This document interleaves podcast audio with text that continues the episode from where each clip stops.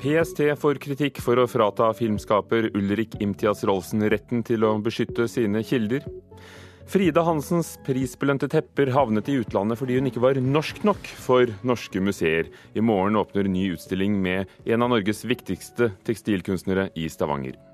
Det siste ærlige rockebandet, sier vår anmelder om amerikanske Foo Fighters etter konserten i Norge i går. Og i filmen Jurassic World er dinosaurene mer levende enn menneskene, ifølge vår filmkritiker. Dette er Kulturnytt i Nyhetsmorgen med Ugo Fermariello i studio.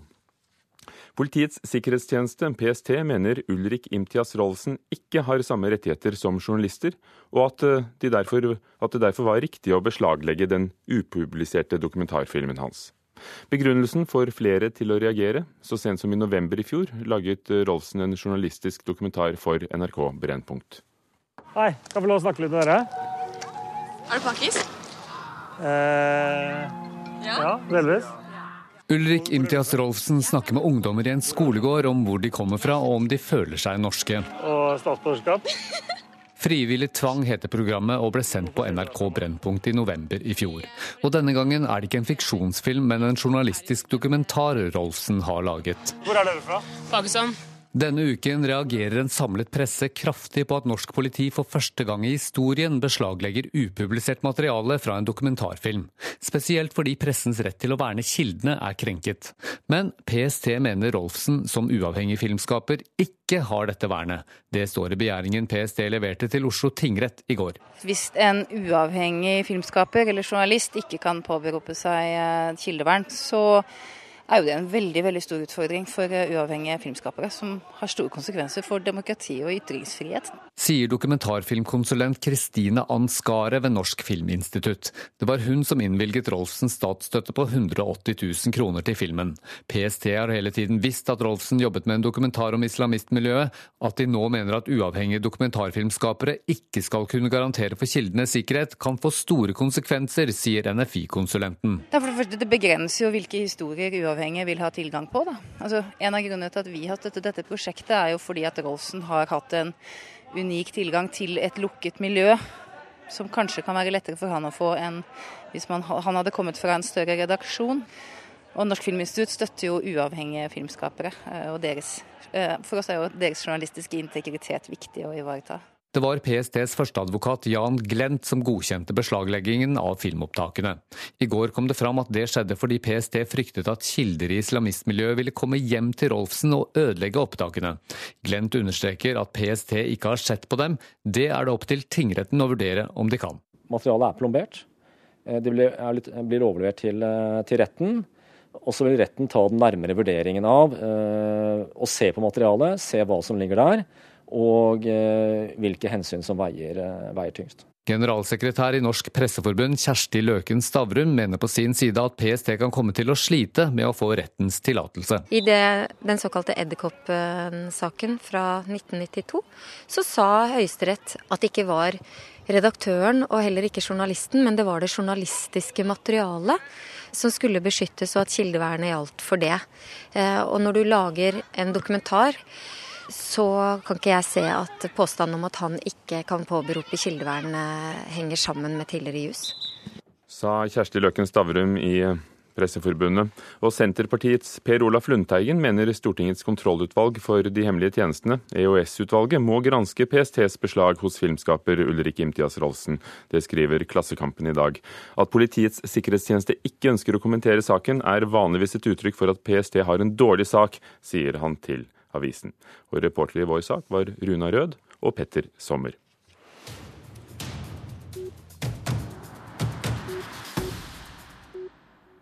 Teater- og konserthuset Kilden i Kristiansand nekter å betale momskravet de fikk på 294 millioner kroner. Kilden fikk tidenes skattesmell i april i år fordi de skal ha mottatt ulovlig statsstøtte. I går leverte direktør Gunnar Thon Lossius en klage til skattemyndighetene, der Kilden motsier kravet punkt for punkt vi har jo hele tiden eh, ment at eh, vi er berettiget til den refusjonen vi eh, har fått. Fordi vi har vært klar over denne problemstillingen helt fra første dag. Og forholdt oss til de råd og retningslinjer og tips som vi har fått underveis. Så vårt svar går vel rett og slett på altså, tolkning av juridiske la oss nesten kalle det spissfindigheter i forhold til både norsk lov og ESA-regelverket. Sa Gunnar Thon Lossius ved Kilden teater og konserthus. Filmskaper Anja Breien fikk Kortfilmfestivalen i Grimstads hederspris i går. Breien har brukt kortfilm til å uttrykke seg kunstnerisk i hele sin karriere, og fikk prisen i forbindelse med 75-årsdagen. Hun debuterte som regissør i 1967, og har deltatt på Kortfilmfestivalen i mange år.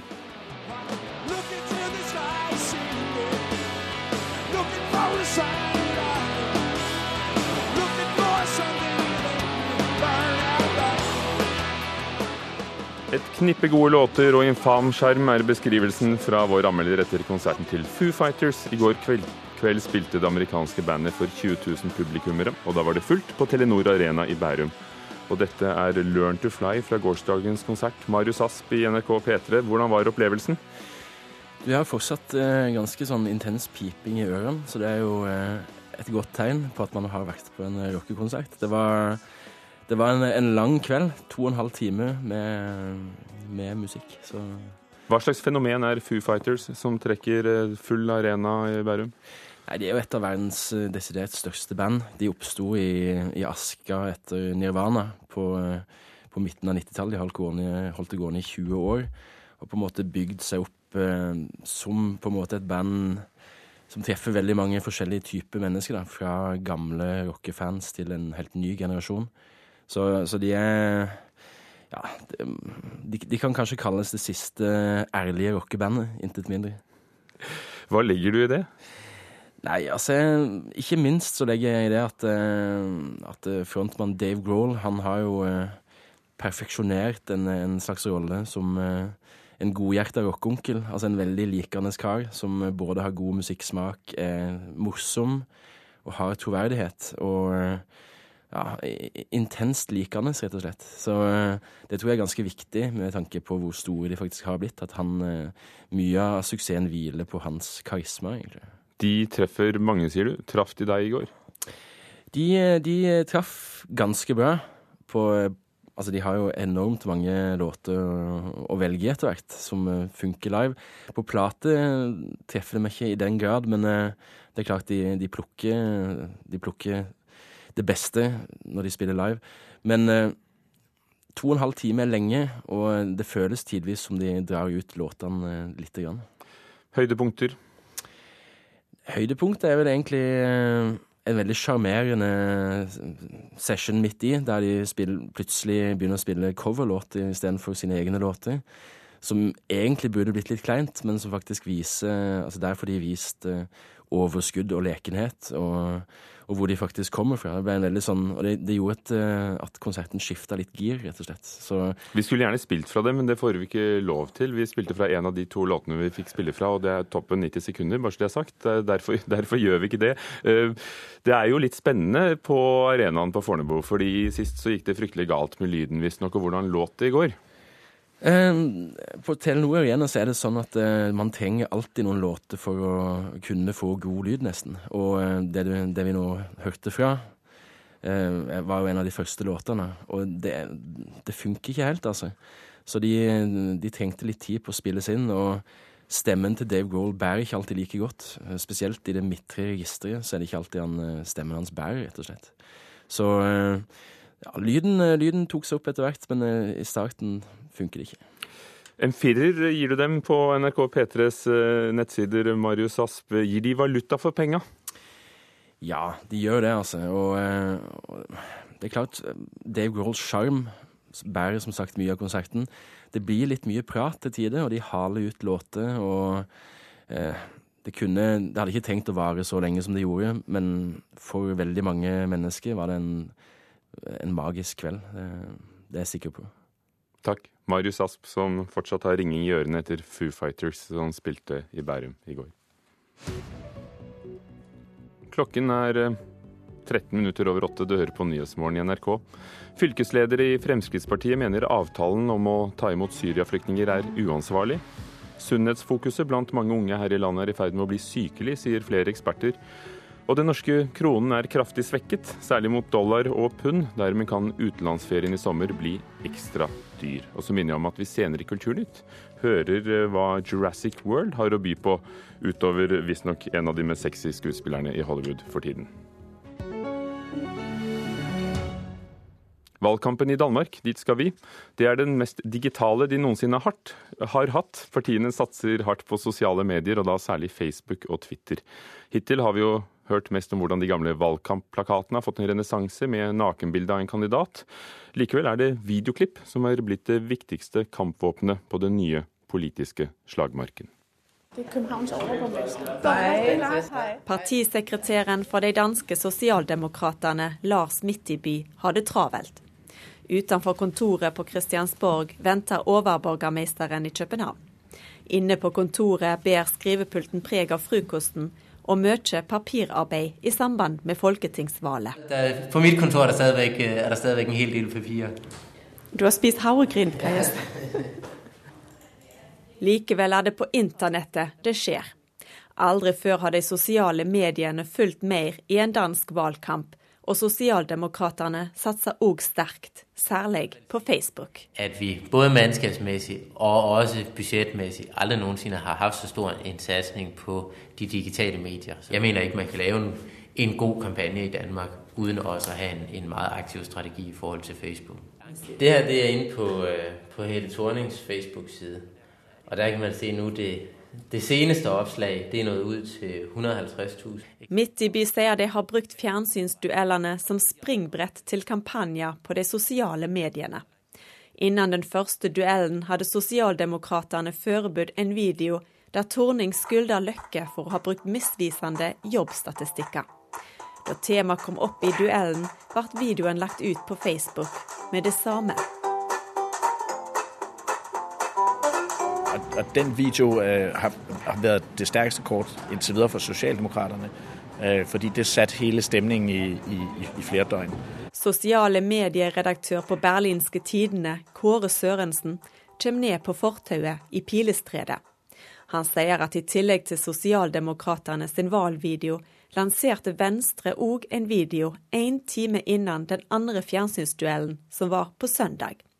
Venstre gikk til åtak på Torning sine valgløfter, som hun ikke har holdt. Jeg mener ikke vi har lovet noe vi ikke holder. Vi skal i gjennomsnitt arbeide en time mer om uken. Jeg mener ikke vi har lovet noe vi ikke holder.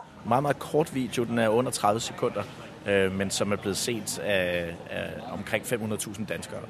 Man kan si at det står 1-1 i, i videokampen lige nå mellom Sosialdemokraterne og Venstre.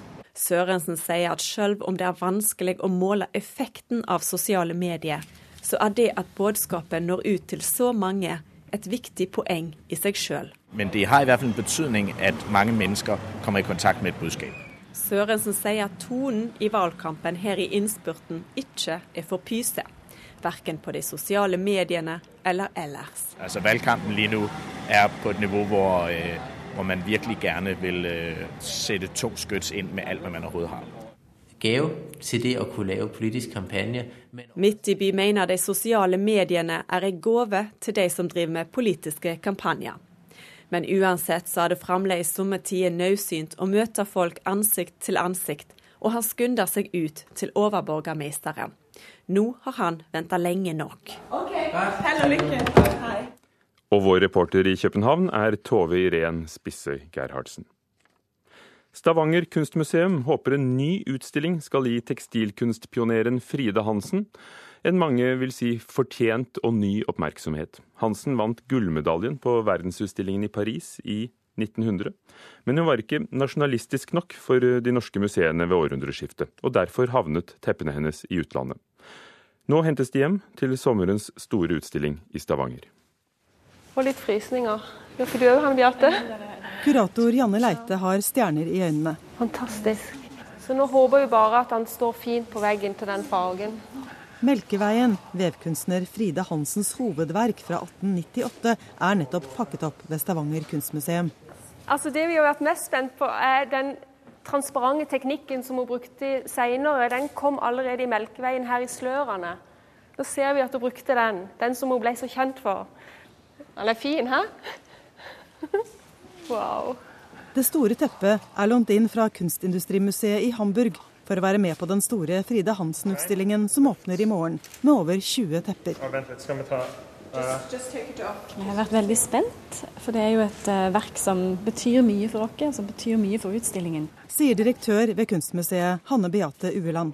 Det er jo et tidlig arbeid, et gjennombruddsarbeid for Frida Hansen. Et uh, arbeid som skal brakte henne internasjonal oppmerksomhet, og hun vant priser for det. Og så er det jo vakkert. Teppet viser seks unge kvinner som svever over himmelhvelvingen med et stjerneslør over hodet, og med en tekst under fra første Mosebok et av de få teppene som eh, Frida Hansen ikke vevde inn blomster. Og det er jo ganske forståelig, for dette er jo på himmelen. Det er Melkeveien. Du ser teknikken her. Den er ikke tettvevd. Dette var det hun fornya. For Frida Hansen fra Hillevåg i Stavanger hadde forretningssans, og tok patent på den såkalte transparentteknikken. Hun var en pioner i Art Nouveau-stilen og fikk gullmedalje på verdensutstillingen i Paris i 1900. Men her hjemme var hun glemt i mange år, og dette er den første store mønstringen i Norge på over 40 år. Det er jo fordi at det er på, på høy tid.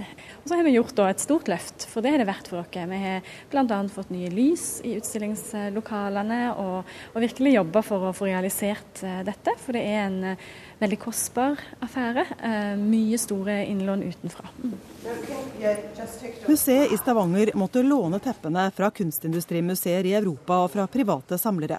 For Fride Hansen var ikke nasjonalistisk nok for de norske museene på den tida. De foretrakk kantete motiver fra folkeeventyr og norrøn mytologi framfor hennes feminine og bokstavelig talt blomstrende bilder, forteller Ueland. Hun lot seg inspirere av kunsten der ute, og, og lagde sin egen kunst, sine egne tepper, inspirert av Art Nouveau, av symbolisme, av arts and crafts. Det gjorde at hun ble litt vanskelig å, å liksom ta i for eh, de norske museumsdirektørene. Hun var ikke liksom norsk nok. Fride Hansen er også kvinnehistorie. Hun droppet kunstnerdrømmen da hun giftet seg, startet broderiforretning da handelshuset gikk konkurs, flyttet så til Oslo og startet veveri med mange ansatte.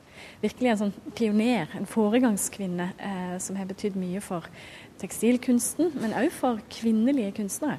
Og jeg håper og tror at uh, denne utstillingen vil gjøre at hun blir mer kjent og anerkjent. At, uh, at dette vil være en sånn første skritt på veien til at eh, hun får en litt sånn større mm, plass da, i, i norske kunstmuseer. Teppet Melkeveien rulles ned på veggen i Stavanger kunstmuseum før åpning i morgen. Det er høytidsstemning. Dette hadde Fride Hansen likt, tror kurator Janne Leite. Det var liksom gjennombruddet. Da, da hun ble skikkelig kunstner. Så hun er nok veldig fornøyd nå. Reporter i Stavanger, Anette Johansen Espeland. Anniken Thue, kunsthistoriker. Du skrev magistergraden din om Frida Hansen, og sto for den store utstillingen vi hørte om i 1973 i Kunstindustrimuseet. Hva var det som vekket din interesse for Frida Hansen? Altså, det, utro, egentlig en tilfeldighet. Jeg var en museumsassistent på Henny Jonstad i 1970. En stor utstilling falt bort. Ole Henrik Moe ba meg du, nå lager vi norsk tekstilkunst i 100 år. Eh, Anniken, du gjør det? Ja, OK, sa jeg. Visste ingenting. Uh, satt i gang. Og så var det at uh, Ole Henrik sa du, er, jeg har sett et eller annet teppe i Hamburg som heter Melkeveien, en som heter Frida Hansen. Hva? Frida Hansen, sa jeg som bare kjente Gerhard Mønte. Og så er det at vi sier OK, vi søker om å få Melkeveien til denne store utstillingen. Og det kommer inn døren. Vi gjør akkurat som de nå gjorde i Stavanger, vi ruller det ut. Og det ble for meg kjærlighet ved første blikk. Litt fordi jeg hadde hatt en, en periode i Wien i eh, 67-68, hvor jeg da møtte det vi kaller jugendstil, altså Art Nouveau. Så jeg hadde på en måte litt øye inne for dette. Og da jeg så dette teppet komme, så tenkte jeg hun er ukjent. Det er helt fabelaktig. Dette må jeg gjøre noe med. Og så gjør jeg noe med det, da. Kan du forklare eh, hvorfor så mye havnet i utlandet og tiden ikke var moden her? Var det, som vi hørte her, så enkelt at det var ikke norsk nok? Da, altså vi kan si det sånn, 1905 vinker i det fjerne. Man er ute etter å kartlegge på en måte det nasjonale. Norge var i 90-årene, nyromantikk og det hele. Vi skal på en måte definere hvem er vi. Og da er et av de stedene man mente man gjorde det på, det var innenfor tekstil. Og så så man på de gamle teknikkene, og så så man etter hvert på et eh, formspråk som man syntes passet for teknikken, og så mente han det var det norske formspråket. Litt kantet, flatet, ornamentalt. Eh, og så, når da Frida Hansen, som en europeer, vant til å være i Paris, hadde vært en av de rikeste kvinnene i Norge, var vant til å reise, kunne, altså, hun lot seg Hun tok teknikken som norsk.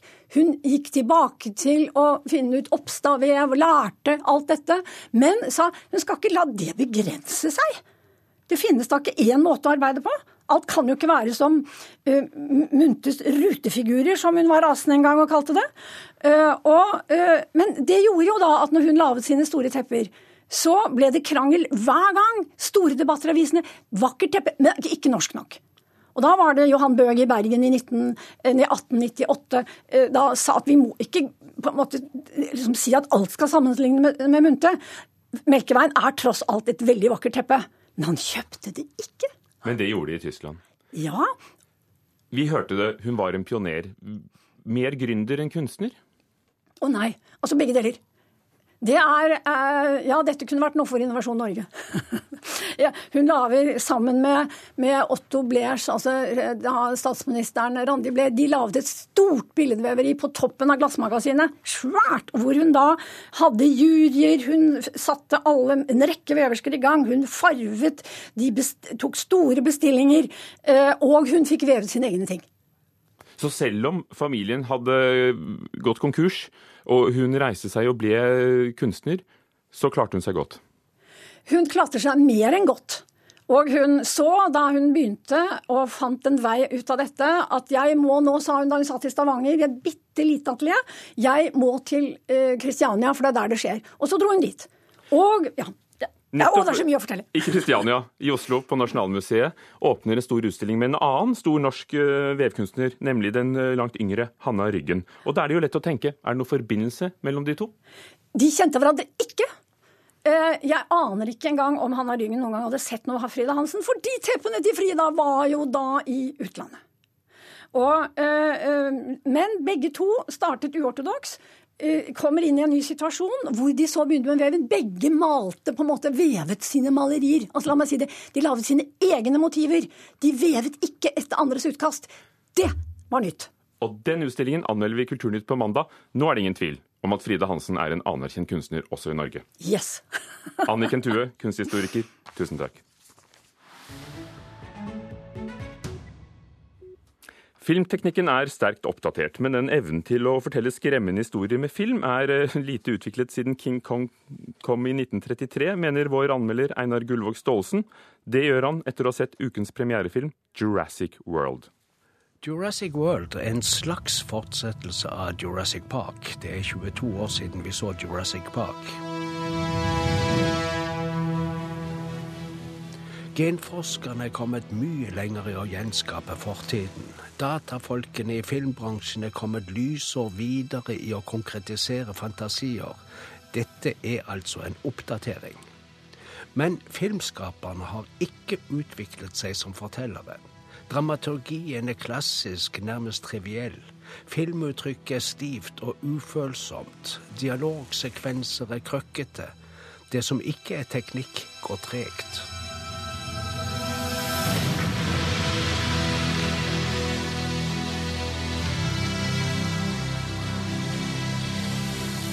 Det menneskelige i dette skaperverket er tilbakestående. Skuespillerne er mindre levende enn de genmodifiserte, jomfrufødte monstrene som forskerne har skapt i store prøverør. Den virkelig store farlige og ukontrollerbare dinosauren i denne historien er tilført blekksprutgener som gjør den smidig. Den beste skuespilleren er en av Spielbergs barneskuespillere som er 13 år nå, Ty Simpkins. Han er den eneste som ikke later som. Han er til stede i dramaet. Han er et av de element som Steven Spielberg har tilført produksjonen. Jeg vet ikke hvor Spielberg befinner seg her, men trolig bak kulissene et sted. Regissøren er Colin Trevorrow. Spielberg er en av seks produsenter. I'm really proud of you for going on this trip. You're gonna have so much fun. And remember, something chases you.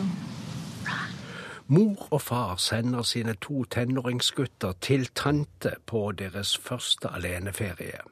Foreldrene trenger også alenetid mens de snakker med skilsmisseadvokater. Tante er toppsjef i dinosaurparken. Hun har ikke tid til å være sammen med nevøene sine, så hun sender assistenten til flyplassen, og hun installerer dem på luksushotell og utruster dem med VIP-kort til parken, som skal gjøre det mulig å komme tettere på.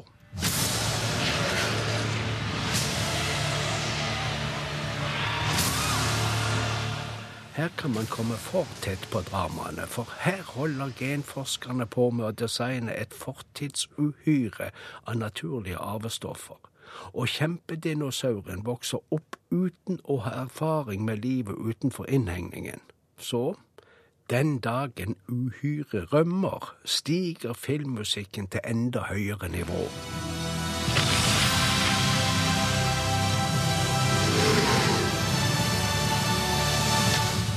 Filmmusikken er forresten god, men den brukes helt etter boka, og den boka har veldig mange andre regissører lest i før. Bildene er også gode. Teknikken er langt utviklet, som sagt, og i tillegg perfeksjonistisk utført.